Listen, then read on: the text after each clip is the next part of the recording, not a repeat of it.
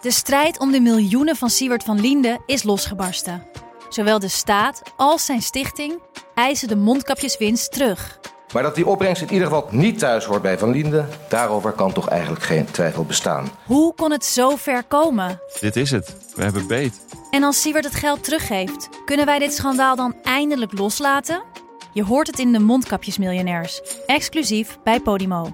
Ga naar podimo.nl/slash mondkapjes.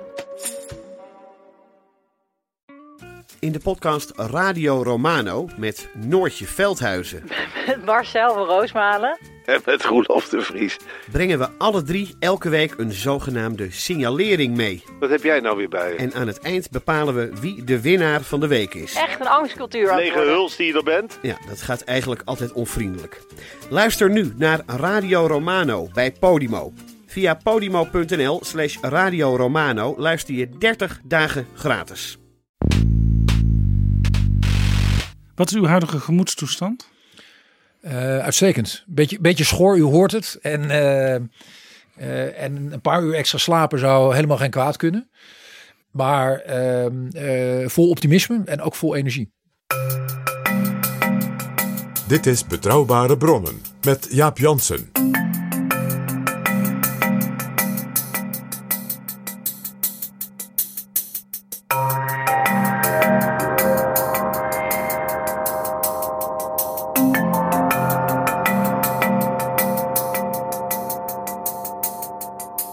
Hallo, welkom in Betrouwbare Bronnen, aflevering 175. Ik ga praten met de lijsttrekker van het CDA, Wopke Hoekstra. Maar voordat we beginnen wil ik eerst nog even de nieuwe vrienden van de show welkom heten. Dat zijn luisteraars die met een donatie Betrouwbare Bronnen mede mogelijk maken. Onze nieuwe vrienden van de afgelopen dagen zijn Harold, Maurits, Joan, Koen, Job, Bas, Mitchell, Jonathan, David, Herman, Tjeerd en Dirk-Jan. Dank voor jullie donatie en welkom als vriend van de show. En wil jij als luisteraar ook meehelpen betrouwbare bronnen duurzaam mogelijk te maken? Ga dan naar vriendvandeshow.nl slash bb en doe mee. De link kun je ook vinden in de beschrijving van deze aflevering. En dan ga ik nu naar mijn gast. Welkom in Betrouwbare Bronnen, Wopke Hoekstra. Dag meneer Jansen. In uw werkkamer thuis hangt een foto van Winston Churchill met zijn bekende bolknak. Maar ook met een machinegeweer in zijn hand. En elke keer als u daar bent, ziet u die ingelijste foto. Waarom hangt dat daar? Nou, omdat eh, Churchill natuurlijk een van de, eh, van de grootheden is uit het verleden. Eh, hij en, en ook FDR, de, de, de Roosevelt, toenmalige Amerikaanse president. Ja, daar kan je toch van zeggen dat die in feite de wereld hebben gered. Ehm, en, en mijn vader was altijd geïnspireerd door hem. Ik ben ooit met mijn vader in Londen geweest en toen hebben we daar gekeken naar die vertrekken van Churchill. En toen heeft hij mij eh, deze poster cadeau gedaan. Die kelder waar hij in de oorlog zat. Ja, je, kon- je kon daar langs dat oude bureautje lopen en, en, en nou, natuurlijk allerlei dingen zien. En ehm, eh, toen hebben we zo'n poster gekocht. En, eh, of heeft hij die aan mij gegeven. En die hangt nu daar. Kinderen vragen wel altijd wie is die meneer met het machinegeweer. Maar dan probeer ik uit te leggen dat het iemand is die, eh, nou, die belangrijke dingen voor de wereld gedaan heeft. Wilt u net als Churchill de wereld redden? Nee, dat is natuurlijk, dat is natuurlijk onvergelijkbaar. De, de, de, de positie van een Nederlandse politicus is onvergelijkbaar met. Van elke politicus in Nederland is onvergelijkbaar met die van eh, de premier van Groot-Brittannië in, eh, in, in die periode, eh, 1940. Maar ook überhaupt ehm, is eh, wat, er, wat, wat er toen op het spel stond, eh, is natuurlijk onvergelijkbaar met wat we nu eh, aan problemen hebben. We hebben nu ook problemen. Er zijn allerlei financieel-economische zekerheden die onder druk staan. Er is ook van alles waar je geopolitiek zorgen over kan maken. Hè, dus het is echt geen rustig aangeharkte wereld. Maar ja, dat was natuurlijk toch een, een tijd van, ja, van, van, van echt een clear and present danger. En, en de grootste verschrikkingen in de geschiedenis van de mensheid hebben natuurlijk toen plaatsgevonden. Ja, hij werd overigens niet herkozen hè, toen hij zijn wereld gered had. Want Nee. na de Tweede Wereldoorlog eh, kwam Labour aan de macht. Ja, op een later moment weer wel. En daar zie je ook in hoe onvoorspelbaar het leven is. En ook hoe onvoorspelbaar het leven van, van politici is. Eh, Er er zijn allerlei mooie biografieën over Churchill. Maar in een van die biografieën staat dat zou hij eh, in, in 38 of in 39 zijn overleden. Dan was hij op een hele andere manier de geschiedenis ingegaan. Als iemand die eh, van verschillende partijen lid was, eh, die, die vaak verwijten van, van, van opportunisme kreeg. En nu is hij de geschiedenis ingegaan als iemand ja, die juist een enorme rechte rug heeft gehouden op het moment dat alle anderen die rechte rug kwijt waren. Eh, is vrijwel de enige geweest die heeft gezien wat er zich afspeelde in Duitsland en daar ook echt een streep wilde, wilde trekken. En ja, hij, dat is natuurlijk een van de merkwaardigheden. Eh, we kunnen ons nu bijna niet meer voorstellen. Eh, maar in 45 zegt dan na de oorlog, zegt de kiezer, eh, nu is het genoeg. Eh, en dan komt hij overigens later, dat is natuurlijk ook weer merkwaardig, komt hij wel weer terug als prime minister. Dit is Betrouwbare Bronnen. Voordat we naar het CDA en de koers van het CDA onder uw jonge leiding, voordat we daarover gaan hebben, eh, wil ik u een paar korte persoonlijke vragen stellen. Eh, welke herinnering is zo belangrijk voor u dat u er nog vaak aan denkt? Eh, vaak aan denk. Ja, er zijn natuurlijk allerlei levendige herinneringen. Eh, er is er één die gaat over nieuwsgierigheid en, en, en, en optimisme en nou, misschien ook wel verlangen. En dat is het moment dat ik nog heel scherp voor de geest heb dat ik als jongetje van 18 eh, uit de trein stapte in Leiden. En je weet dat er een mooie, spannende nieuwe fase gaat beginnen. Maar De je hebt studententijd? eigenlijk- eh, je hebt eigenlijk ook geen idee. Het is, eh, ja, die, die studie begint dan. Eh, die studententijd begint. Maar het is ook het verlaten van het ouderlijk huis. En het is natuurlijk een tijd vol verwachting. En ja, ik, ik, ik had toch maar half nagedacht over welke studie het moest worden. Minder dan half nagedacht over welke stad het moest worden. Ik was vier jaar eerder één keer in Leiden geweest. in, de, in de tweede van het gymnasium. Dus dat was ook een beetje een schot in het donker. Ehm, en ik moet daar overigens ook vaak aan terugdenken als ik nu met jongeren praat eh, die in diezelfde fase zitten en die gewoon somber op hun kamertje zitten te zoomen. Eh, en die veel van de zekerheden die, die u of jij en ik hadden eh, in die fase van het leven niet meer hebben. Want er was toen gewoon nog een basisbeurs, overigens veel langer dan tegenwoordig. Eh, het was eigenlijk ja, een zekerheidje dat ik een kamer zou kunnen vinden in Leiden. Ja, Ehm, en het was ook ehm, ja, zeer aannemelijk dat ik niet alleen een baan zou vinden na mijn studie, maar dat er een vast contract bij zou horen en dat dat ook weer de mogelijkheden zou geven om een huur of een koophuis te bemachtigen. Ja. Dus echt wel anders. u, u zegt ik wist nog niet precies eh, wat ik wilde, ook nog niet wat u voor werk zou willen gaan doen later. Nee, ik heb ehm, aan het einde van de middelbare school heb ik gedacht, ik, ik wil misschien advocaat worden. Of ik wil iets doen in het bedrijfsleven. Zonder dat ik precies wist wat, wat dat dan betekende. En als ik economie zou zijn gaan studeren, dan was die route naar de advocatuur natuurlijk per definitie afgesloten. Dus ik heb toen gedacht, ik ga rechten doen. Want ehm, eh, dat, dan hou je opties open. En vrij snel in die studie, eh, die ik overigens hartstikke leuk vond, heb ik wel gedacht, ik wil eh, niet alleen maar het juridische, ik wil verbreden. Dus, dus daarom heb ik later ook nog nou ja, wat, wat andere vakken gedaan. Heb ik een latere fase in mijn leven nog een MBA gedaan. En ben ik natuurlijk eigenlijk vooral in het bedrijfsleven werkzaam geweest. Lijkt u op uw moeder? Ehm, nee, mijn moeder heeft zoveel goede eigenschappen, dat, eh, of had zoveel goede eigenschappen, dat zou ik niet durven zeggen. En uw vader? Eh, ook die, daar moet ik natuurlijk nu ook van zeggen dat hij vol zit met goede eigenschappen. Je neemt toch altijd wel iets Eh, over? nee, van nee, nee, van, van allebei. Mijn moeder was een, was een buitengewoon hartelijke vrouw, een hele hartelijke, lieve moeder. Ehm, ja, die, die, die enorm veel tijd en moeite heeft gestoken in, eh, nou ja, in ons, in ons drieën. Eh, mijn vader heb ik natuurlijk in zekere zin veel beter leren kennen. Want eh, mijn moeder is overleden toen ik twintig was. En ik heb hele goede herinneringen aan haar. Maar ik heb natuurlijk met mijn vader nog weer een fase meegemaakt. waarin je ook weer over hele andere dingen praat. Waarin je ook hè, als Ja. twee volwassenen praat over wat er in de wereld gebeurt. hoe het is om kinderen te krijgen. Eh, en wat je, eh, wat je eh, qua werk wil gaan doen. Dat zijn natuurlijk ja, gesprekken tussen volwassenen. Weliswaar met, een, met natuurlijk nog steeds een leeftijdsverschil van, van een jaar of 6, 27. Eh, maar dat soort gesprekken heb ik met mijn moeder natuurlijk nooit gehad. Is er een talent wat u graag gehad had willen hebben?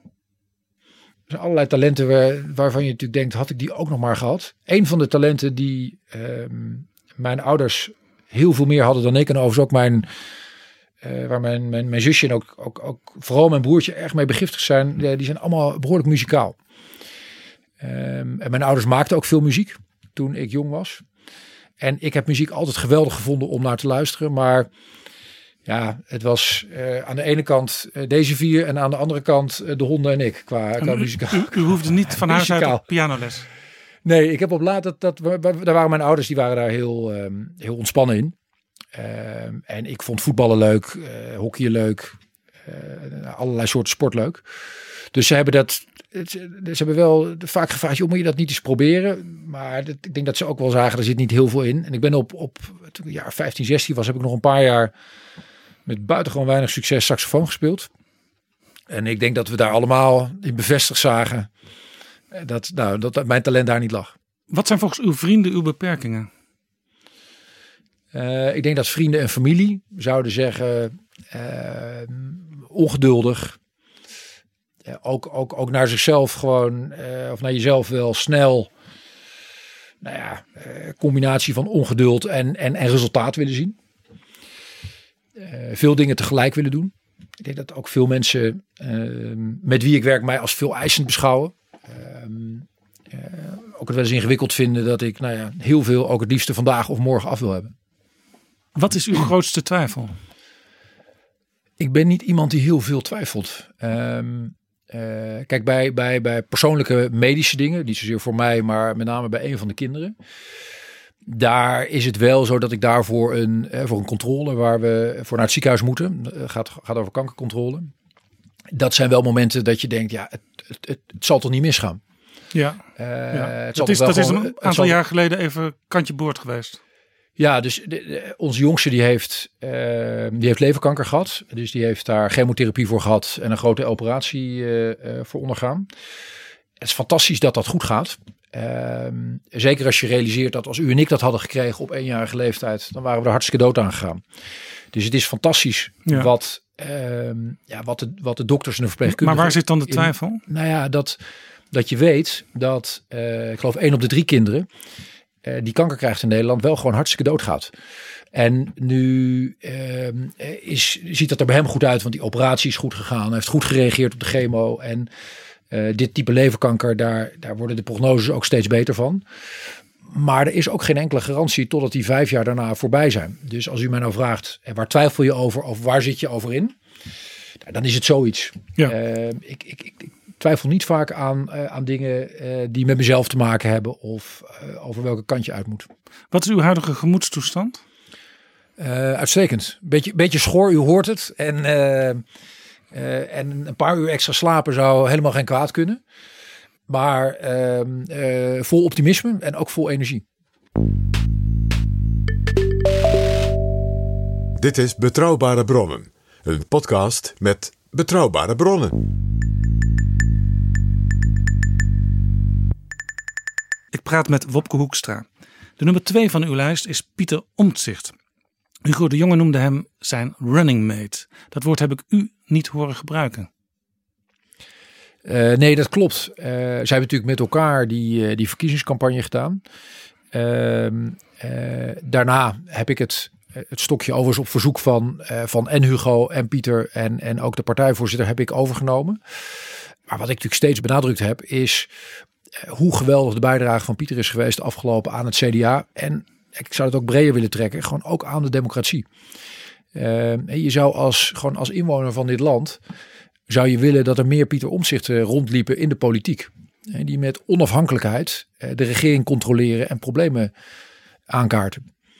En ik heb de afgelopen paar jaar, maar ook al toen hij, in de, hij Tweede Kamerlid was en ik zelf nog Eerste Kamerlid was, heb ik altijd heel nauw met hem samengewerkt. Hij pleit voor een nieuw sociaal contract. Daar heeft hij ook een boek over Ja. eh, geschreven. Dat staat eh, hoog in de bestsellerlijst. Eh, waar staat dat nieuw sociaal contract in uw verkiezingsprogramma? Nou, dat wemelt ervan. Dat zijn over stukken die Pieter Omtzigt zelf ook geschreven heeft. Dus die heeft heel actief meegedacht, want die was niet alleen Kamerlid, maar die heeft ook in die programmacommissie gezeten. Ja. Dus als je het verkiezingsprogramma naast zijn boek legt, dan zie je dat dingen die gaan over de relatie overheid-burger in allebei heel nadrukkelijk terugkomen. Ja. Natuurlijk in, in nog meer rijkheid in zijn boek, maar eh, zaken zoals begrijpelijke taal, eh, communiceren, eh, meer loketten waar mensen gewoon van vlees en bloed gewoon ontmoet kunnen worden door burgers die een probleem hebben. Zaken die gaan over een belastingombudsman. Eh, regionaal kiesstelsel, heel ander type thema, maar wel ook nou ja, gaand over de relatie in dit geval politiek en, Ja. en, eh, en, en burger. Ja. Dat zijn allemaal thema's waar hij de afgelopen jaren natuurlijk hard mee aan de gang is geweest. En nou ja, die in beide terug te vinden zijn. Ja, maar het, het kernwoord van Pieter Omtzigt, nieuw sociaal contract, dat staat er letterlijk zo niet in, in het programma. Nee, dat, daar ben ik. Ik ben natuurlijk niet bij het schrijven van het programma in alle detail betrokken geweest. Hij heeft dat woord heel vaak gebruikt. En ik kan me voorstellen dat hij eh, daar ook, dat ook specifiek, eh, dat hij het boek onder die vlag wilde uitbrengen. Want dat is ook iets wat bij hem hoort. Ja, en nogmaals, dat programma dat is ruim 100 pagina's, maar dat beslaat dan natuurlijk alle beleidsterreinen. Ja, En eh, het boek gaat echt over het nieuwe sociaal contract. En, en, en legt nog een keer in, ja, met veel meer details en nuances en ideeën uit. hoe dat nou verder moet in de 21ste eeuw. met de relatie tussen de burger en, eh, en de overheid. ja. Omtzigt bespeurt in Nederland een sluimerende onvrede. Hij zegt dat is buitengewoon gevaarlijk. De geschiedenis leert ons dat deze onvrede een voedingsbodem is voor revoluties. Vreest u een revolutie? Nee, ik vrees geen revolutie. maar ik, ik vind wel dat hij gelijk heeft. En wat mij betreft gaat het over twee, eh, twee types onvrede, zou je kunnen zeggen. Het eerste type onvrede gaat echt over de, de relatie burger-overheid, waar we het net over hadden. Het tweede type eh, onzekerheid en ook onvrede gaat over wat ik eerder wel eens de, de fear of falling van de middenklasse heb genoemd. Ja, het gaat nu goed, maar misschien gaat het morgen wel slechter. Ja, en als je dat aan mensen in Nederland vraagt, dan geven ze vaak aan dat ze eigenlijk best tevreden zijn met hun leven nu. Maar dat als ze zich afvragen of veel van de verworvenheden eh, die zij hebben, eh, een vast contract, een eigen huis, eh, een, een, een studie die ze hebben kunnen doen met iets wat, wat lijkt op een basisbeurs, al dat soort zaken, of die verworvenheden er straks ook zijn voor de volgende generatie. En die zorg is er natuurlijk niet voor niks. Die is natuurlijk volslagen terecht, want Ik zei net al hoe, ik vertelde net al hoe het was toen ik uit die trein stapte in Leiden. Er, is nu een leenstelsel. Er, is, er zijn een heleboel jongeren die thuis zitten te wachten en die geen kamer kunnen vinden. Of jongeren die op een kamer zitten en die een fase verder zijn en willen gaan samenwonen. Of in ieder geval een studentenkamer willen verlaten en die geen huis kunnen krijgen. Eén op de drie Nederlanders heeft een flexcontract. Dat was 20, 30 jaar geleden volslagen anders. En wat, wat dat doet, is dat dat de onzekerheid voedt bij de middenklasse. Terwijl de geschiedenis nou juist één ding laat zien. Dat Ja. als die middenklasse floreert, als die middenklasse een, een, gewoon een bazaal vertrouwen kan hebben in de toekomst, dan gaat het grosso modo goed met een land. Ja, ik mis een beetje uw samenspel in deze campagne. Want u, u, u noemt wel dingen die hij ook belangrijk vindt. Maar ik heb geen gezamenlijk gesprek gezien bijvoorbeeld. Nee, maar dit- kijk, dat is natuurlijk sowieso het gemankeerde van deze coronatijd. Wie van de, van, de, van de Kamerleden heb ik nou met regelmaat gezien de afgelopen eh, dagen en weken? Nou, ik was net in de Tweede Kamer om, om foto's te maken voor bij een interview. En toen liep ik er één tegen het lijf. Maar eh, verder is, het, ja, is, er, is er contact, eh, vooral via de app. soms bellen met, met, met allerlei mensen. En wat ik ook moet zeggen, wat, wat we allemaal missen, wat Pieter zal missen, wat, wat, wat, wat Mona zal missen, wat we allemaal missen, is gewoon massaal de straat op. Het zijn Ja. juist natuurlijk ook bij uitstek een partij die erop uit wil trekken in een campagne. Hè, die, die, die regionaal gebonden is, die op alle plekken in het land vrijwilligers heeft, die, die dingen gaan aanplakken, met burgers in gesprek zijn, Ja. eh, de markten opgaan. En dat, dat is er, het is heel jammer, maar dat is er nu gewoon niet bij. Wat wordt na 17 maart de rol van Pieter Omtzigt? Nou, dat vind ik iets om met hem te bespreken. Heeft u vast ik al gedaan? Hem, ik heb hem, ehm, ik heb hem natuurlijk, ik heb vaker heb, heb ik gezegd dat ik, ik echt vind dat hij de beste parlementariër is eh, van Nederland. Maar er zijn ook andere dingen die hij hartstikke goed, hartstikke goed zou kunnen. Ja. We beginnen natuurlijk met de kabinetsformatie. Gaat hij dan met u mee naar de onderhandelingstafel? Nou, hij zal hoe dan ook bij die onderhandeling eh, betrokken zijn. Ja, maar dat was vorig jaar ook al, maar toen ging Pieter Heerma mee met Buma. Ja, maar en, en dat vind ik iets om gewoon met, met het hele team straks te bespreken. Wat is, eh, wie komt in welke rol het beste tot zijn recht? Ehm, waar ik van overtuigd ben, is dat, hij, is dat hij en ik die uitstekende samenwerking ook weer gaan voortzetten in de volgende fase. En ja, op het moment dat we deelnemen aan het kabinet, dan, eh, dan, dan zijn er ook weer hele andere mogelijkheden voor. Maar dat gaat natuurlijk ook over wat hij wil.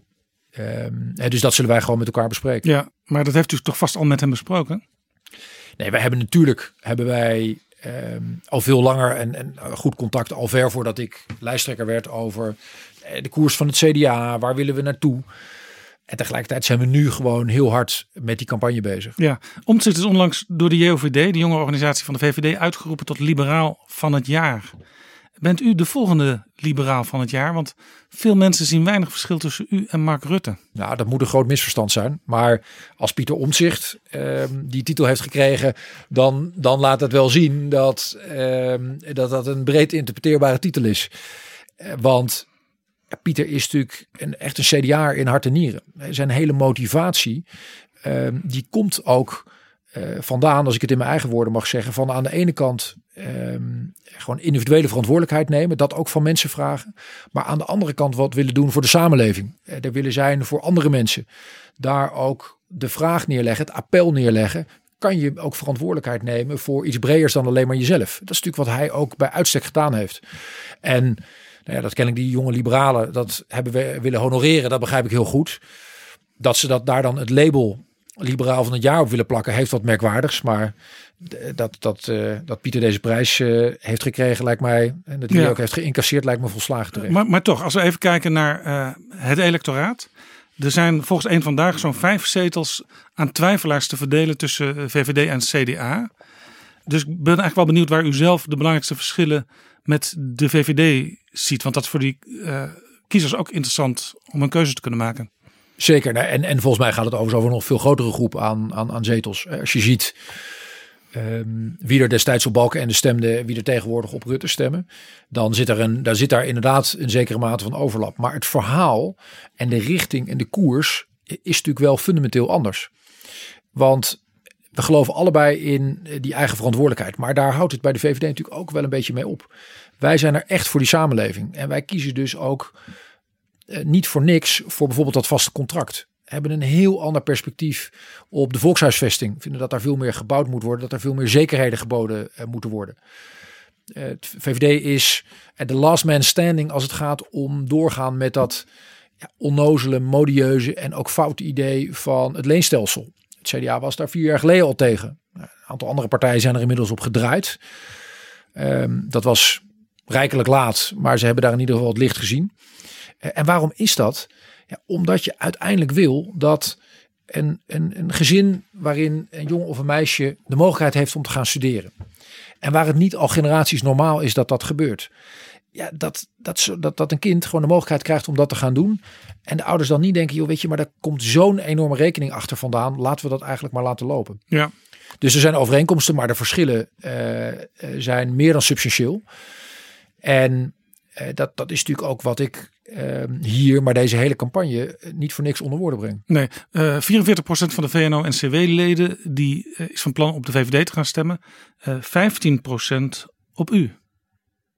Ja, dus u bedoelt die, die, die 44% die horen eigenlijk ook bij het CDA thuis? Voor een deel zou, dat, zou u die naar u toe kunnen trekken. Zeker. En, en um, je ziet sowieso dat, dat, dat, dat ondernemers zich ook zeer thuis voelen bij het CDA. Dat ze ook zich zeer herkennen in uh, de New Deal, maar, maar breder ook in, in, in wat wij ja. voor plannen hebben op het gebied van ondernemerschap. Maar toch, wat, wat verreweg wij... de meeste ondernemers, uh, drie keer zoveel, die gaan naar de VVD. Ja, dus als u zegt, um, daar is nog meer werk aan de winkel en daar is, nog, daar is nog wat te halen, dan ben ik dat onmiddellijk met u eens. Maar als er nou een groep is die juist heel positief heeft gereageerd op die New Deal en op het programma. En ook op details daaruit, zoals bijvoorbeeld die bedrijfsopvolgingsregeling voor familiebedrijven. Uh, maar ook het hele pakket aan maatregelen wat wij voor, uh, voorstellen om te zorgen dat ondernemers door kunnen in de volgende fase. Uh, in plaats van dat ze in elkaar klappen als straks die steunmaatregelen ja. ophouden. daar krijg ik heel veel positieve ja, responsen. Ze vinden wel dat u de lasten te veel verhoogt voor bedrijven. Nou, dus dat, is ver, dat is bij CDA en VVD overigens vergelijkbaar. Wat ik belangrijk vind is dat we van iedereen wat vragen in de volgende fase. Uh, maar dat we wel zorgen dat ondernemers echt weer kunnen gaan ondernemen. En het laatste wat ondernemers herkennen is, en ook vaak aan mij teruggeven, is dat ze het ook prettig vinden. Kijkend naar wat ik als minister van Financiën heb gedaan, maar ook naar mijn profiel. Ik, ik ken het bedrijfsleven natuurlijk goed. Ik ben daar zelf groot geworden. Ik heb daar zelf jarenlang gewerkt. Uh, dus ik, uh, ik snap ook dat je ja, als je het geld wil uitgeven, zou je het wel eerst moeten verdienen. Ja. Uh, en ik snap ook dat ondernemers zeggen, ja joh, dat geld wat jullie in Den Haag uitgeven, dat is uiteindelijk niet eh, van, eh, van Mark Rutte, Sigrid Kaag of Wopke Hoekstra. Nee, dat is gewoon geld wat Nederlanders met hard werken verdiend hebben. En daar heb je verstandig eh, en ook met zuinigheid mee om te gaan. Ja, op het, op het CDA-congres in Eindhoven, het was virtueel, maar u stond daar, eh, beschuldigde u Rutte van tien jaar gebroken belofte. De VVD, ja. De VVD van Rutte heeft tien jaar het premierschap mogen bekleden. Ehm, u noemde net al het leenstelsel. Eh, ik hoorde u ook al iets zeggen over flexcontracten. Zijn er nog meer eh, dingen waarvan u zegt, daar heeft de VVD gewoon in het verleden dingen geroepen die ze niet hebben waargemaakt? Nou, waar het, waar het bredere thema nou om gaat, gaat over juist die middenklasse en de zekerheden. En ik heb ook daar gezegd, eh, natuurlijk is het onzin om te doen alsof het allemaal kommer en kwel is. Want in heel veel opzichten is dit een geweldig land om in te, om in te leven. Maar wat je natuurlijk wil, is dat je dat land ook weer op een mooie manier doorgeeft. Het liefst nog een beetje mooier aan de volgende generatie. En daar is het herstellen van die Nederlandse belofte. En dat als je hard werkt, als je goedwillend bent, als je gewoon je best doet, dat je het dan weer een beetje beter kan krijgen voor jezelf en voor de volgende generatie. Dat is essentieel. En dat zie je terug in, ja, in allerlei zaken. Dat zie je terug in of je een vast contract wel belangrijk vindt en eigenlijk essentieel vindt. Of dat je zegt, laat maar waaien, we gaan door met de flexcontracten. Dat zie je terug in die discussie over, over die basisbeurs. Of eh, toch maar door met dat leenstelsel. Ja, ik vind van niet. Dat zie je terug in de discussie over de woningmarkt. Ja. Maar dat zie je ook terug in hoe serieus je bijvoorbeeld een, een probleem als de ge- georganiseerde misdaad en drugscriminaliteit eh, moet, eh, moet nemen. Daar staan we overigens dichter bij de VVD dan bij sommige andere partijen. Maar ja, ik, heb, ik kan me nog levendig herinneren. Ik was anderhalf jaar geleden was ik bij mijn Italiaanse collega. En toen ben ik daar ook langs geweest bij wat daar de Guardia di Finanza heet.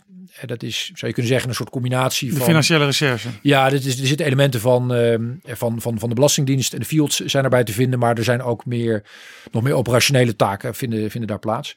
En men zegt daar gewoon, jullie zijn in Nederland enorm naïef als het gaat Ja. om wat er aan de hand is. Nou hoor ik dat elke verkiezing achter elkaar al, nou misschien wel 25 jaar. Nee, het probleem is juist dat als je nou terugkijkt, er de afgelopen jaren zeker wat aan gebeurd is. Maar dat wij, als je nou kijkt naar de inzet op meer veiligheid in Nederland, dan is die ook heel erg gegaan de afgelopen 10, 15 jaar over meer blauw op straat. En overigens terecht, hè, daar ben ik ook voor. Want dat ging over ook de veiligheid die de burger zelf ervaart.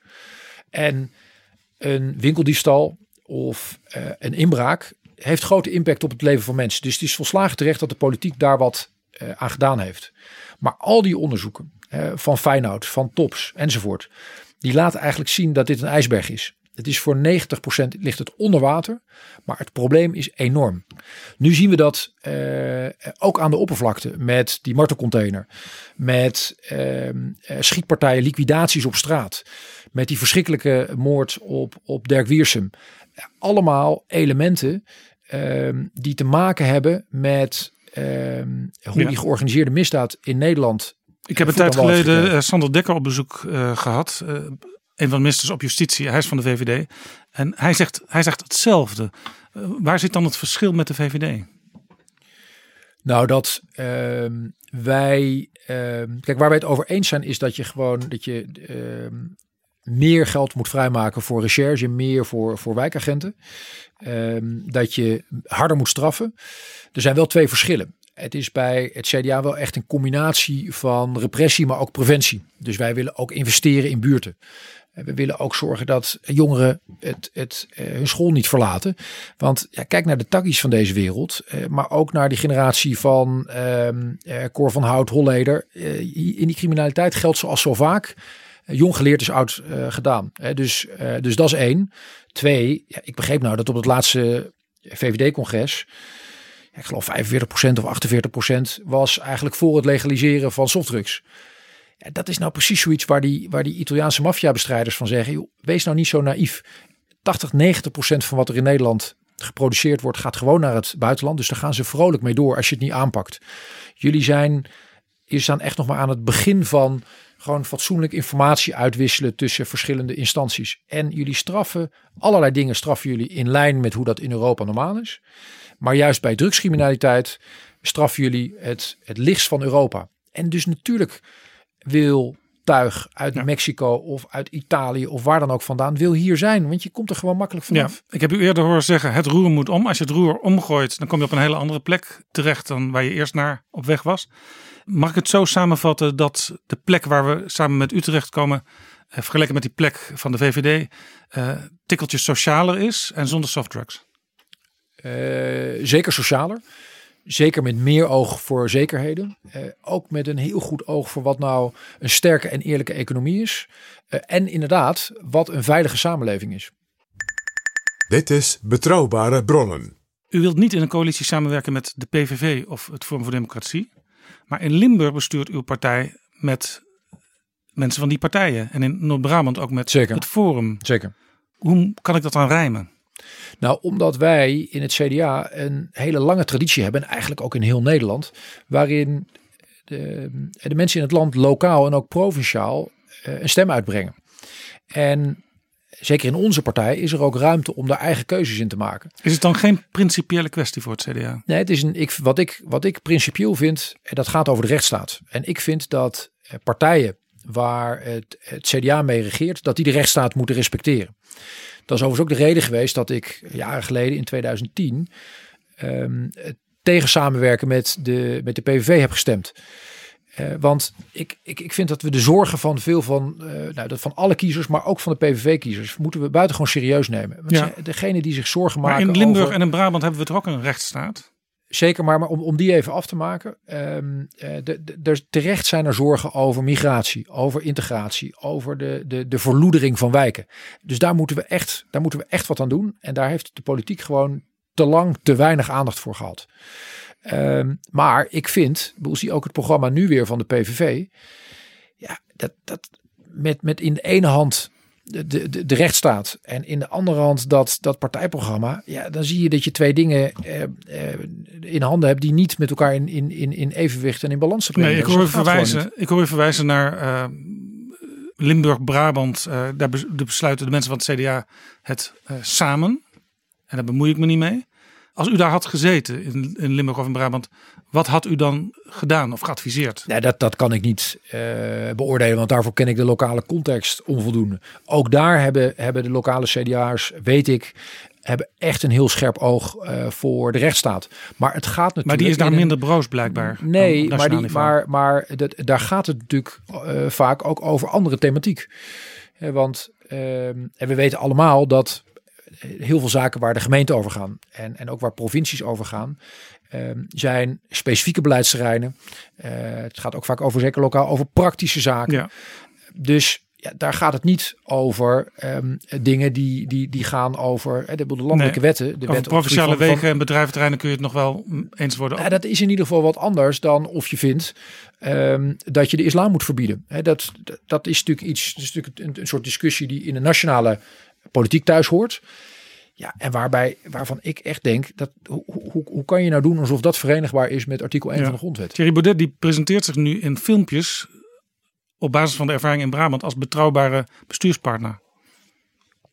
Ja, maar ik ga niet over de profilering van Thierry Baudet. Dus dat, eh, dat, dat, dat is elke partij is dat eh, en elke partijleider is dat zijn goed recht om zich te profileren Ja.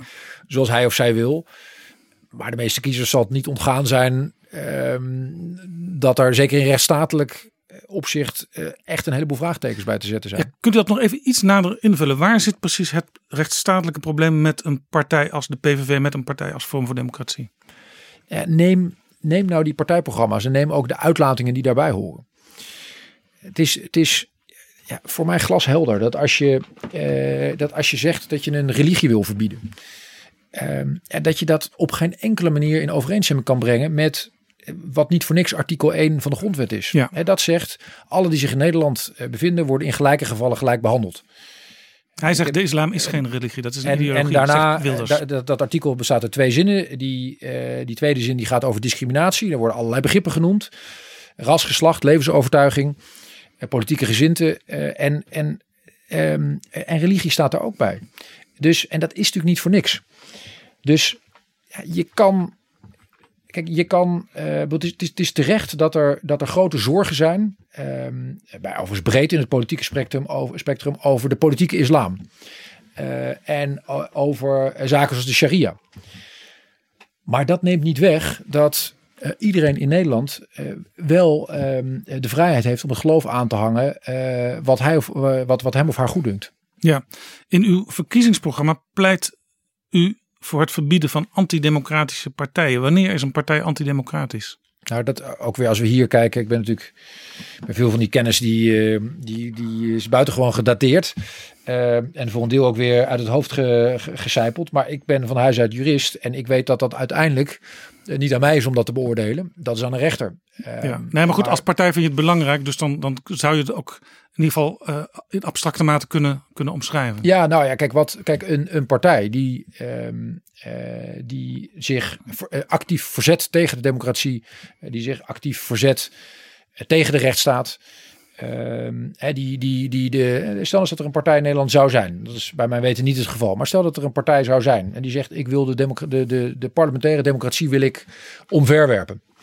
Uh, ik wil er een... Um, uh, ik, ik, ik wil naar een, naar een autocratisch geleid land. Ja, mag ik een citaat van Thierry Baudet voorleggen? Gedaan op een bijeenkomst van zijn jongeren in Nieuwspoort. Het allerbeste zou zijn als wij absolute heersers zijn. In het parlementarisme kun je geen grote beleidswijzigingen doorvoeren. Ja, ja het behoeft geen betoog dat, dat, uh, dat ik het daarmee oneens ben. Maar uh, weet u, ik zit hier om het uh, verhaal van het CDA te vertellen. Als ik ja. de, um, de teksten van andere lijsttrekkers. En, en, en, en daar is Baudet bepaald geen uitzondering op. Als ik die elke dag zou moeten becommentariëren, dan. Ja. Uh, nee, maar ik, ik zoek, ik, ik zoek naar het moment waar aan de orde zou kunnen komen dat een partij misschien uh, in aanmerking zou kunnen komen voor dat predicaat antidemocratisch. Ja, maar, maar weet u dat. Um, dat is... misschien, misschien kan ik toch even helpen. Want nee, maar ik, ik kan u ook helpen. Baudet dat, dat is... is nu in het nieuws door antisemitische ja. uitspraken. De PVV heeft geen leden. Kun je ook al vragen of dat uh, democratisch is. Zij verzetten zich uh, ja, heel erg tegen wel... een bevolkingsgroep. Ja, maar, maar kijk, er is weinig waar, waar, waar mijn bloed zo van gaat koken als van, van, van antisemitisme. Um, maar voor de goede orde, ik vind dat als je, um, als je uh, antidemocratische partijen wil verbieden, dan moet je dat eerst vormgeven in de wet. Want dat is namelijk een, dus niet, dat is ook weer terecht dat je daar een hele hoge lat voor aanlegt. En vervolgens is het aan een rechter. Uh, ik vind dat de PVV maar één lid heeft. Vind ik ook merkwaardig. Vind ik ook niet goed. Maar dat is wel wat anders uh, dan waar, wij, waar u en ik het nu over hebben. Ja, Want u en ik hebben dat betekent niet dat je de parlementaire democratie omver wil hebben. Er zijn, eh, dat, er zijn natuurlijk ook in de geschiedenis zijn er partijen die echt hebben geprobeerd de, de democratie om, uh, omver te werpen. En, en naar een, naar een eenpartijstaat uh, of naar, gewoon naar een... Uh, naar een antidemocratisch stelsel toe te werken. Dat is natuurlijk wel iets fundamenteel anders. Ja, ik neem aan, want het staat in uw verkiezingsprogramma, uh, dat u dit ook mee gaat nemen naar de kabinetsformatie. Dit voorstel om een uh, wet in te gaan dienen om ja, antidemocratische kunt, partijen te verbieden. Je kunt ervan uitgaan dat alles wat in het programma staat en wat zich leent voor wetgeving, dat ik dat uh, onder de arm zal meenemen. En er zijn ook dingen die zich niet lenen voor wetgeving, dus die zal je op een andere manier moeten regelen. maar vanzelfsprekend, je, je, je, je probeert natuurlijk bij informatie, probeer je zoveel mogelijk van je eigen gedachtegoed probeer je in een verkiezingsprogramma te krijgen. Probeer je anderen van te overtuigen. En daar zou je natuurlijk ook moeten zoeken naar gemeenschappelijke grond. Ja. Ander onderwerp. Wat is volgens u de identiteit van het CDA? En ik ga u een citaat voorleggen. Is dat de behoudende conservatieve koers die de afgelopen jaren het landelijk CDA kenmerkte? Is dat het barmhartige CDA van de kinderpardonvoorstanders? Is dat het duurzame conservatisme in Limburg? Is dat het CDA van de boeren? Of is dat de multiculturele diversiteit van menig CDA-afdeling in de Randstad? Nou, u Weet heeft, u trouwens van wie deze vraag komt? U heeft, u heeft zoveel verschillende dingen opgenoemd waar, waar, waar allemaal wel dingen in zitten die me aanspreken.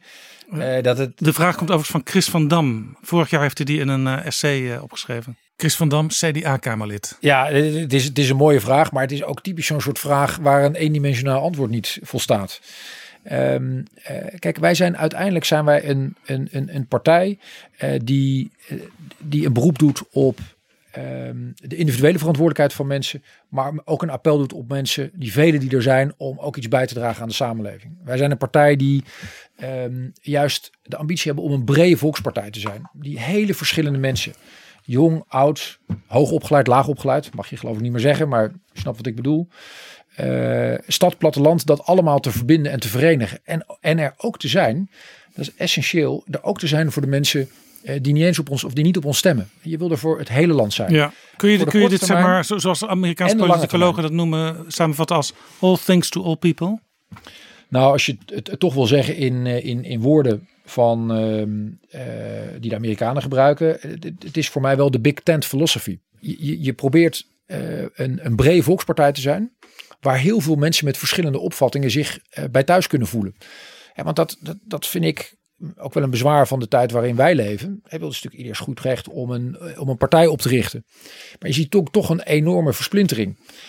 En, en eh, mijn ambitie is het, het CDA heeft dat ook altijd, is er ook altijd in geslaagd op de momenten dat het goed ging met de partij, om juist hele verschillende mensen te verbinden. Ja, en toen haalde zijn ook voor het hele 40, land. 50 zetels. Zeker. En, de, en, en dat was door ehm, een verbindende rol te spelen. Dat was eh, door eh, te kiezen voor de korte en de lange termijn. En ook goed te articuleren welke, welke mooie dingen we willen behouden. Hè, waar, we, waar we gewoon trots zijn op onze wortels. eh, en waar we mee door moeten. Maar ook te kiezen voor verandering, vernieuwing en verbetering. Ja, ik pak even een onderwerp uit uw verkiezingsprogramma. Kernenergie is nadrukkelijk een optie voor het CDA. Waarom? Nou, omdat ehm, er een, echt een fundamenteel probleem ligt op het gebied van klimaat. Eh, ik ben echt van de school dat we, ehm, dat we de dure plicht hebben om de aarde op een fatsoenlijke manier door te geven aan de volgende generatie. Ja, en we hebben kernenergie misschien tussentijds nodig En om de doelstellingen snel te halen. Ja, en, en, en weet je, die, die, die, die, eh, die, die grote opdracht die daar ligt, daar moeten wij gewoon mee aan de gang. En dat betekent dat we allerlei maatregelen moeten nemen. Wind, zon, eh, groene waterstof, misschien nog wat technieken die u en ik niet eens kennen, isolatie, Ja. eh, van alles en nog wat. En, maar om dan iets wat, wat, wat echt goed werkt. En wat in landen als eh, Zweden, Noorwegen, vooral ook Finland, ook, ook Frankrijk, eh, heel goed werkt. Wat men veilig doet. Om dat dan bij voorbaat vast van de lijst te schrappen, dat vind ik onverstandig. Ik denk juist dat je die luxe niet hebt. Maar nou staan, staan die dingen, die staan al in een land als Frankrijk en, en in de Scandinavische landen die u noemde. Als je hier een nieuwe kerncentrale wil neerzetten, of misschien wel twee, dan duurt dat 10 tot 20 jaar voordat zo'n ding eh, werkt. Die energie is vier keer zo duur als wind- of zonne-energie. En als meer landen, net als Nederland, eh, dan extra kerncentrales gaan neerzetten, eh, dan is die energie die daar nog beschikbaar is, misschien veel sneller op. En dan zijn we over 40 jaar ook alweer klaar met kernenergie.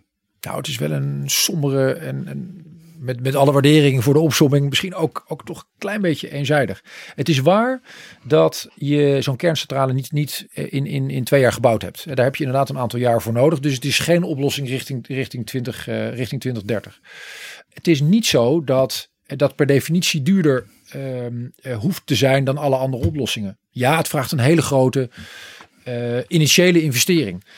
Maar in die vergelijking met eh, bijvoorbeeld zon eh, wordt vaak niet meegenomen hoeveel ruimte dat beslaat. Je moet je voorstellen dat als je een kerncentrale zou neerzetten, dan beslaat het geloof ik tussen de 8 en 10 voetbalvelden. Ja. Kunnen we ons ook wel voorstellen. Je zet zo'n ding neer, Ja. je hebt wat ruimte daaromheen nodig. Dus dat het misschien je- vier keer zo duur is, dat moet je daartegen afwegen. De, nou, ik vind sowieso dat je moet, als je die vergelijking maakt, moet je bijvoorbeeld meenemen. Je hebt, je hebt dus, ik geloof, dus die tussen de 8 en 10 voetbalvelden heb je nodig voor die kerncentrale.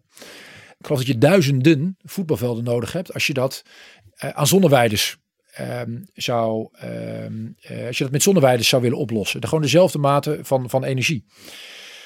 Dus eh, je moet, er, je moet zorgen voor een eerlijke vergelijking. Ik ben sowieso van de school dat ik, dat, ik- dat ik echt niet vind dat ik echt vind dat je niet moet doen alsof kernenergie eh, de enige oplossing is. Nee. Waar, en- waar, waar liggen die voetbalvelden trouwens? Waar wilt u die kerncentrale neerzetten? Nou, ik vind dat je dat altijd in samenspraak moet doen met de regio. Eh, dus Ja. ik vond daar ook. Dus als Groningen zegt, kom maar hier, dan Nee, ik, kan ik het in Groningen. ik, ik vond wat, wat Rutte heeft dat later gecorrigeerd, Ja. maar wat hij daar zei was, was echt ongelukkig. Ja. Zeker als je ziet wat daar natuurlijk de afgelopen eh, jaren en decennia heeft plaatsgevonden. Ehm, dat moet je in samenspraak doen met een regio. Ehm, maar ik vind, ik vind dat als je nou misschien, dat klimaat- misschien wil Brabant wel, want Vorm van Als je- Democratie is ervoor. als je, als je nou dat klimaatprobleem echt serieus neemt. En je weet gewoon dat daar een hele grote opgave ligt. Waarbij je op allerlei terreinen wat moet doen. En dan vind ik dat je ook deze optie serieus moet onderzoeken. En, en, en als het even kan, eh, daar ook, ook een paar van die kerncentrales zou moeten willen bouwen.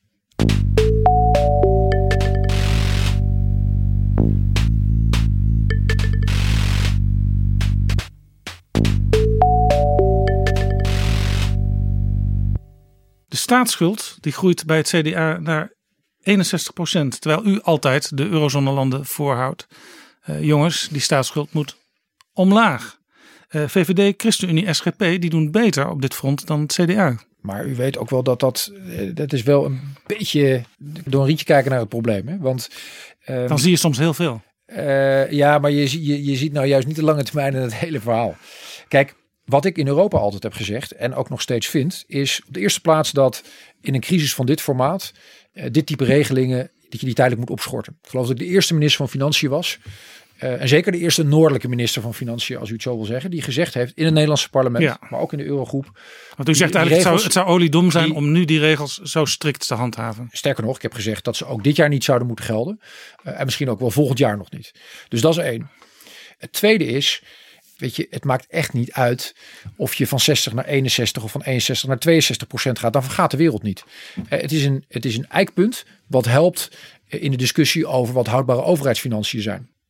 Wa- Wat ik verstandig vind is dat wij, eh, maar overigens ook een aantal andere partijen, ervoor kiezen om wel te accepteren dat die staatsschuld de komende jaren om en nabij de 60% ligt. Maar niet de volgende generatie een enorme rekening cadeau doen- te doen. Hè, want je ziet dat bij, ik geloof dat de SP die gaat ver over de 100% heen. D66 gaat naar 93%. Dat betekent... Ja, we praten de wel over het jaar 2060. ja, maar moet je, nou eens, moet je nou eens voorstellen dat je, eh, dat je dat doet. Want veel van die investeringen Ja. ga je wel de komende jaren maken. Ja, maar er zitten nog heel veel kabinetten tussen. Ja, maar dat betekent dat je, dat je eh, honderden miljarden extra aan staatsschuld gaat maken. En dat is dan allemaal vanuit de romantische gedachte dat die rente vast eindeloos laag blijft. Nou, ik hoop het van harte. En ik ben überhaupt iemand die kijkt naar wat economisch werkt. En eh, als, je, als die staatsschuld laag is, heb je gewoon meer mogelijkheden dan, dan eh, als die omhoog gaat. Maar als we nou ook toch even realistisch zijn. Wat leert nou corona ons? Corona laat zien dat ook onverwachte, onwaarschijnlijke dingen wel degelijk kunnen gebeuren en dan soms een enorme impact hebben. En we hebben inmiddels gezien in het afgelopen half jaar, staatsschuld in Amerika is nog steeds laag, maar is de afgelopen half jaar is die wel verdubbeld. En er zijn in een internationale pers, u houdt hier ook goed bij, zijn er al wekenlang verhalen die gaan over inflatie. En over hoe dat verder moet. En wat ik daarmee wil zeggen is, er is dus geen garantie eh, dat het per definitie mooi weer blijft. En dat betekent dat ik vind dat je ook aan de solide kant moet blijven zitten. Eh, dat je daar de volgende generatie ook zelf in moet laten kiezen. Ja. eh, in plaats van ze een onfatsoenlijk cadeau Ja. te geven. Nou heeft u zelf een Nationaal Groeifonds eh, ingesteld in het eh, zittende kabinet. Zeker. En u stelt zelfs voor om dat te gaan verdubbelen. Maar ik begrijp dat dat pas echt aan de orde is na deze kabinetsperiode. Maar het, het- de grap van dat groeifonds was toch dat je met de lage rentestand die we nu hebben, om en nabij de 0%, dat je heel makkelijk als overheid kunt lenen en dat geld dan weer kunt investeren. Eh, u zegt net, we weten helemaal niet hoe het in de nabije toekomst gaat met dingen als de rentestand. Nee, het is, het is breder. Dus, bezondigt u zich daar nu zelf niet aan dan? Nee, nee. En het is, het is ook van een volstrekt ander formaat. Want je hebt het in het geval van het groeifonds. Heb je het ehm, eh, over een bedrag van pak een, pak een bij 20 miljard. Verspreid over vier jaar.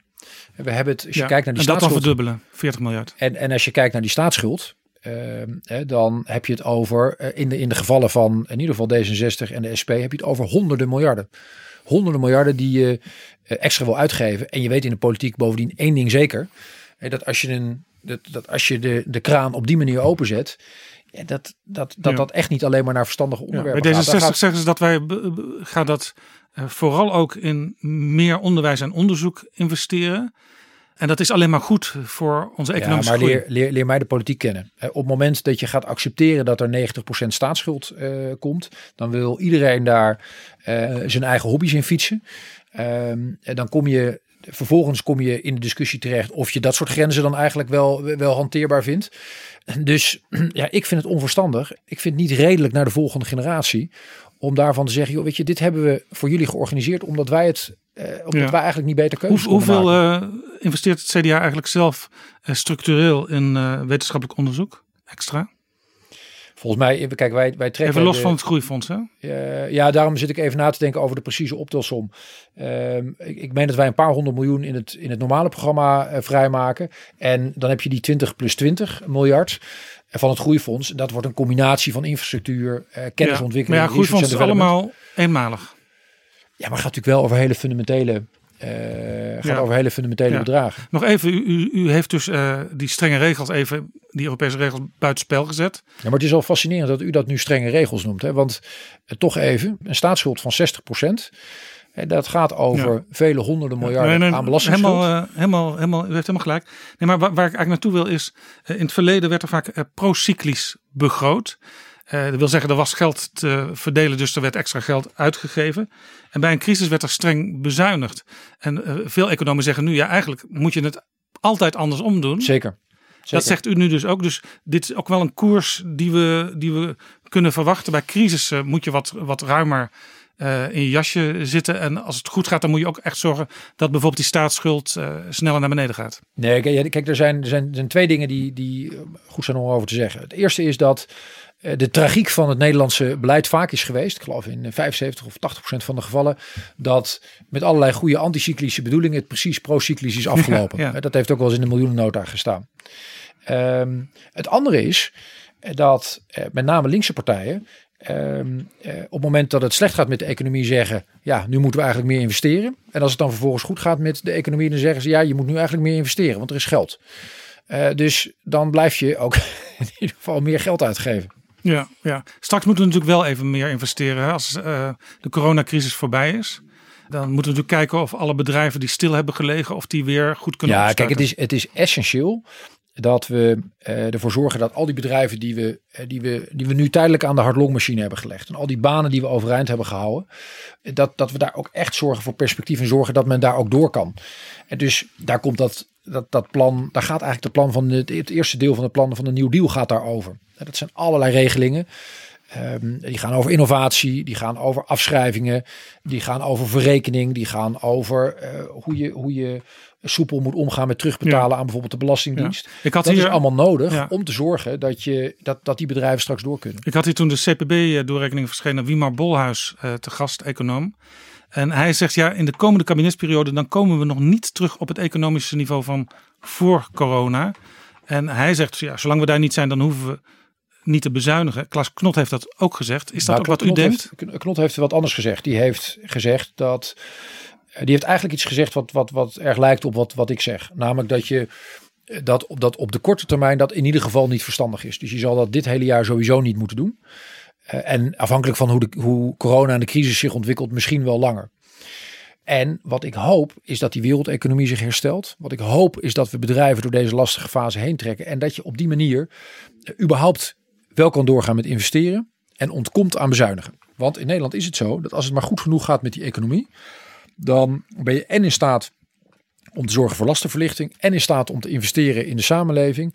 En in staat om de staatsschuld verder op Ja. orde te brengen. Want denk aan, wat was het, 2019. Toen hebben we heel veel meer ehm, eh, geïnvesteerd. Flinke stappen extra gezet op het gebied van belastingverlaging. En ik geloof 14 miljard afgelost op de staatsschuld. Dus het kan wel. Ja. Maar diegenen die zeggen, ja, de komende jaren gaan we sowieso hoeven we niet te bezuinigen. Eh, Rutte heeft dat eerst in die advertentie gezet. Toen heeft hij vervolgens heeft hij dat in, in een radioprogramma met mij heeft hij gezegd dat je dat toch eigenlijk anders moest eh, interpreteren. Ehm diegenen die, die, die zeggen dat dat sowieso niet hoeft, die, die, die, die vind ik zijn ook niet eerlijk naar de kiezer toe. Want je kan dat niet beloven. Je weet niet hoe de toekomst eruit ziet. Je weet niet wat voor economische Ja. crisis ons mogelijk Ja. nog te wachten staat. En je zou kunnen zeggen, eh, zodra het moment komt dat we eh, wat moeten bezuinigen, dan gaat het eigenlijk alweer veel beter, want dan, dan kunnen we dat ook doen. Ja, ik weet niet of ik die formulering helemaal tot de mijne zou maken, maar het, het, ehm, kijk, ik ben ervan overtuigd dat we, dat we het grosso modo echt verstandig hebben gedaan met ja, massaal die zogenaamde diepe zakken waar ik het eerder over gehad heb, om die te legen, om te zorgen dat ondernemers door kunnen en, en, en vrijwel iedereen in Nederland de baan die die had Ja. heeft kunnen behouden. En ook in die volgende fase moet je gewoon met verstand, met beleid doen wat goed is voor ondernemers, eh, wat goed is voor werknemers. En, eh, en, en moet je niet je focussen op, op de korte termijn overheidsfinanciën. Ik vind ook dat het vorige kabinet dat ja, echt niet verstandig gedaan heeft. Maar doen alsof. eh, Heeft, heeft Dijsselbloem eh, met zijn kabinet toen, Rutte ook, eh, zich te veel gefocust op de cijfertjes, de centen? ik, ik vind dat in dat kabinet men voor, voor korte termijn belangen, er zijn ook verstandige dingen gebeurd, maar voor korte termijn belangen er soms onverstandige keuzes zijn gemaakt. Laat ik één voorbeeld noemen. Men heeft daar heel rigoureus bezuinigd op een hele kleine kostenpost. Als je naar de hele rijksbegroting kijkt, de IVD. Daar is 40% uitgesloopt. Nou, dat betekent dat je allerlei onderzoekslijnen eh, doorknipt. Eh, allerlei mensen, allerlei eh, informanten eh, afstoot. En wat gebeurde er vervolgens bij de formatie? Nou, laten we investeren in, in, in de AIVD. Dan kan je de boel weer opnieuw opbouwen. En, en daar heb je echt meer een lange termijn perspectief nodig.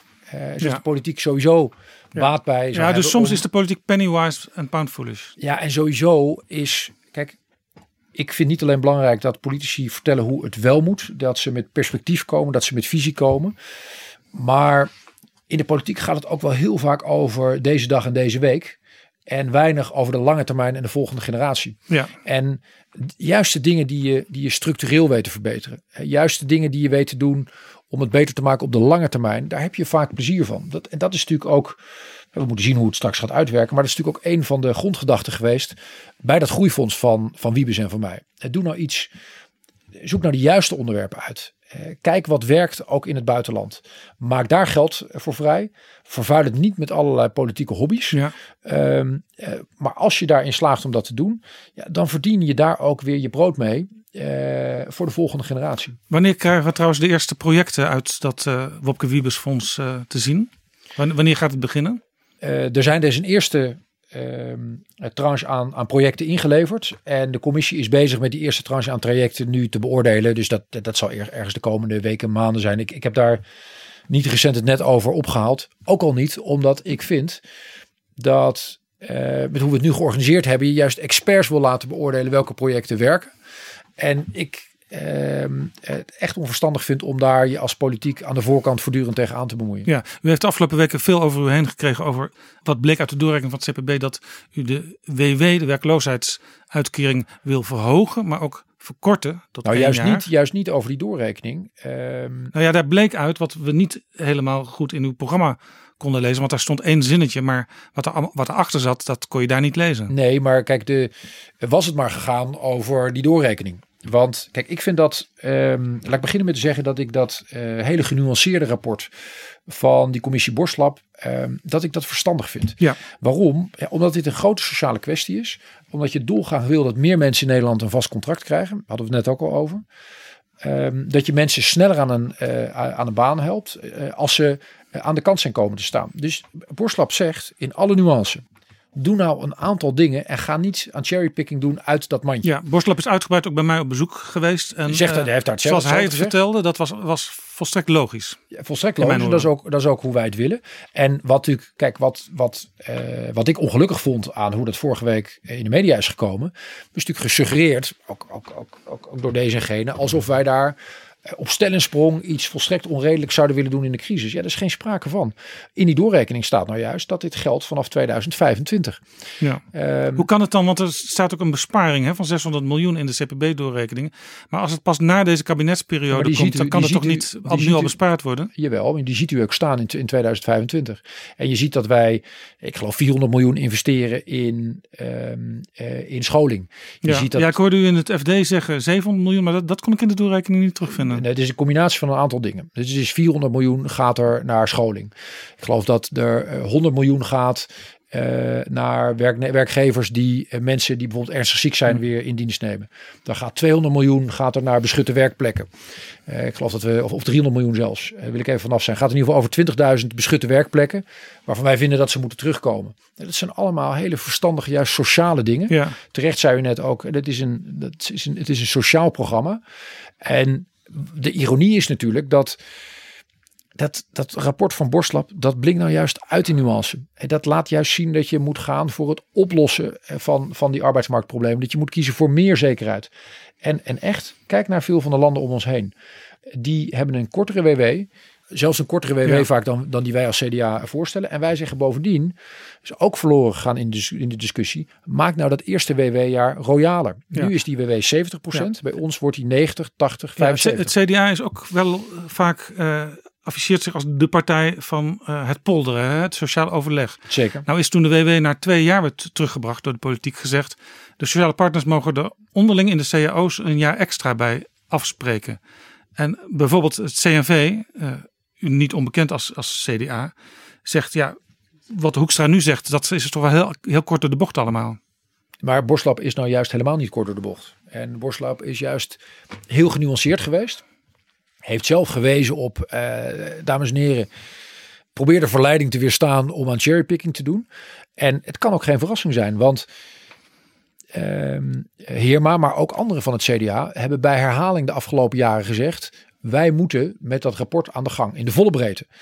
Er zijn ook allerlei andere politieke partijen. Kijk, de interviews en de handelingen er maar op na. Die hebben er geweldige woorden over gesproken. En vervolgens is de politiek begonnen met wat de politiek te vaak doet. Ja. Namelijk om de eh, hete brei heen Dit is ook een van de dingen die u, de VVD, Ja, ik vind, ik vind dat, de, ik vind dat de, de beide liberale partijen, die, ehm, die lopen weg van, van echt wat doen aan dat vaste contract.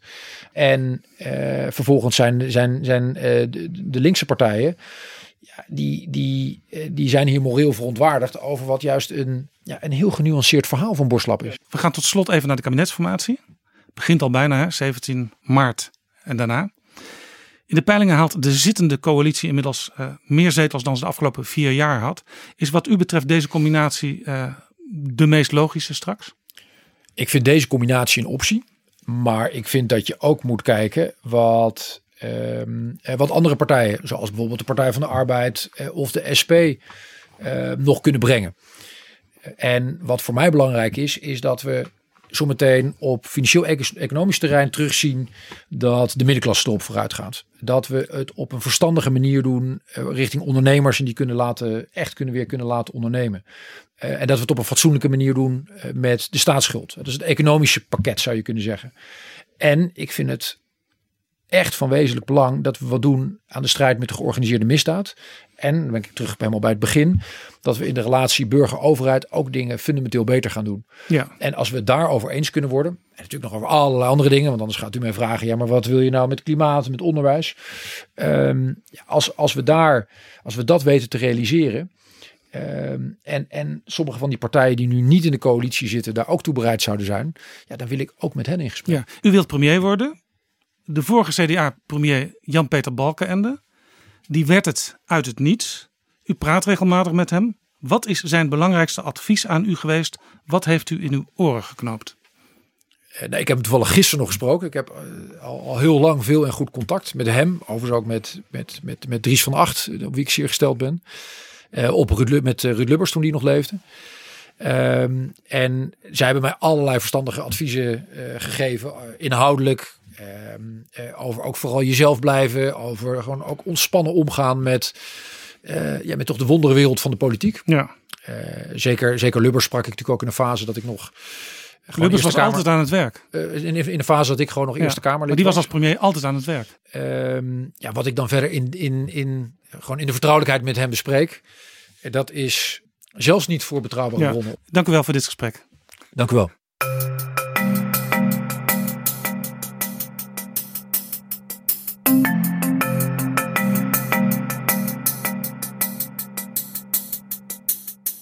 Zo, dit was Betrouwbare Bronnen, aflevering 175. Deze aflevering is mede mogelijk gemaakt door vrienden van de show. Luisteraars die ons steunen met een donatie. Wil jij ons ook helpen? Ga dan naar vriendvandeshow.nl slash bb. De link staat ook in de beschrijving van deze aflevering. Tot volgende keer.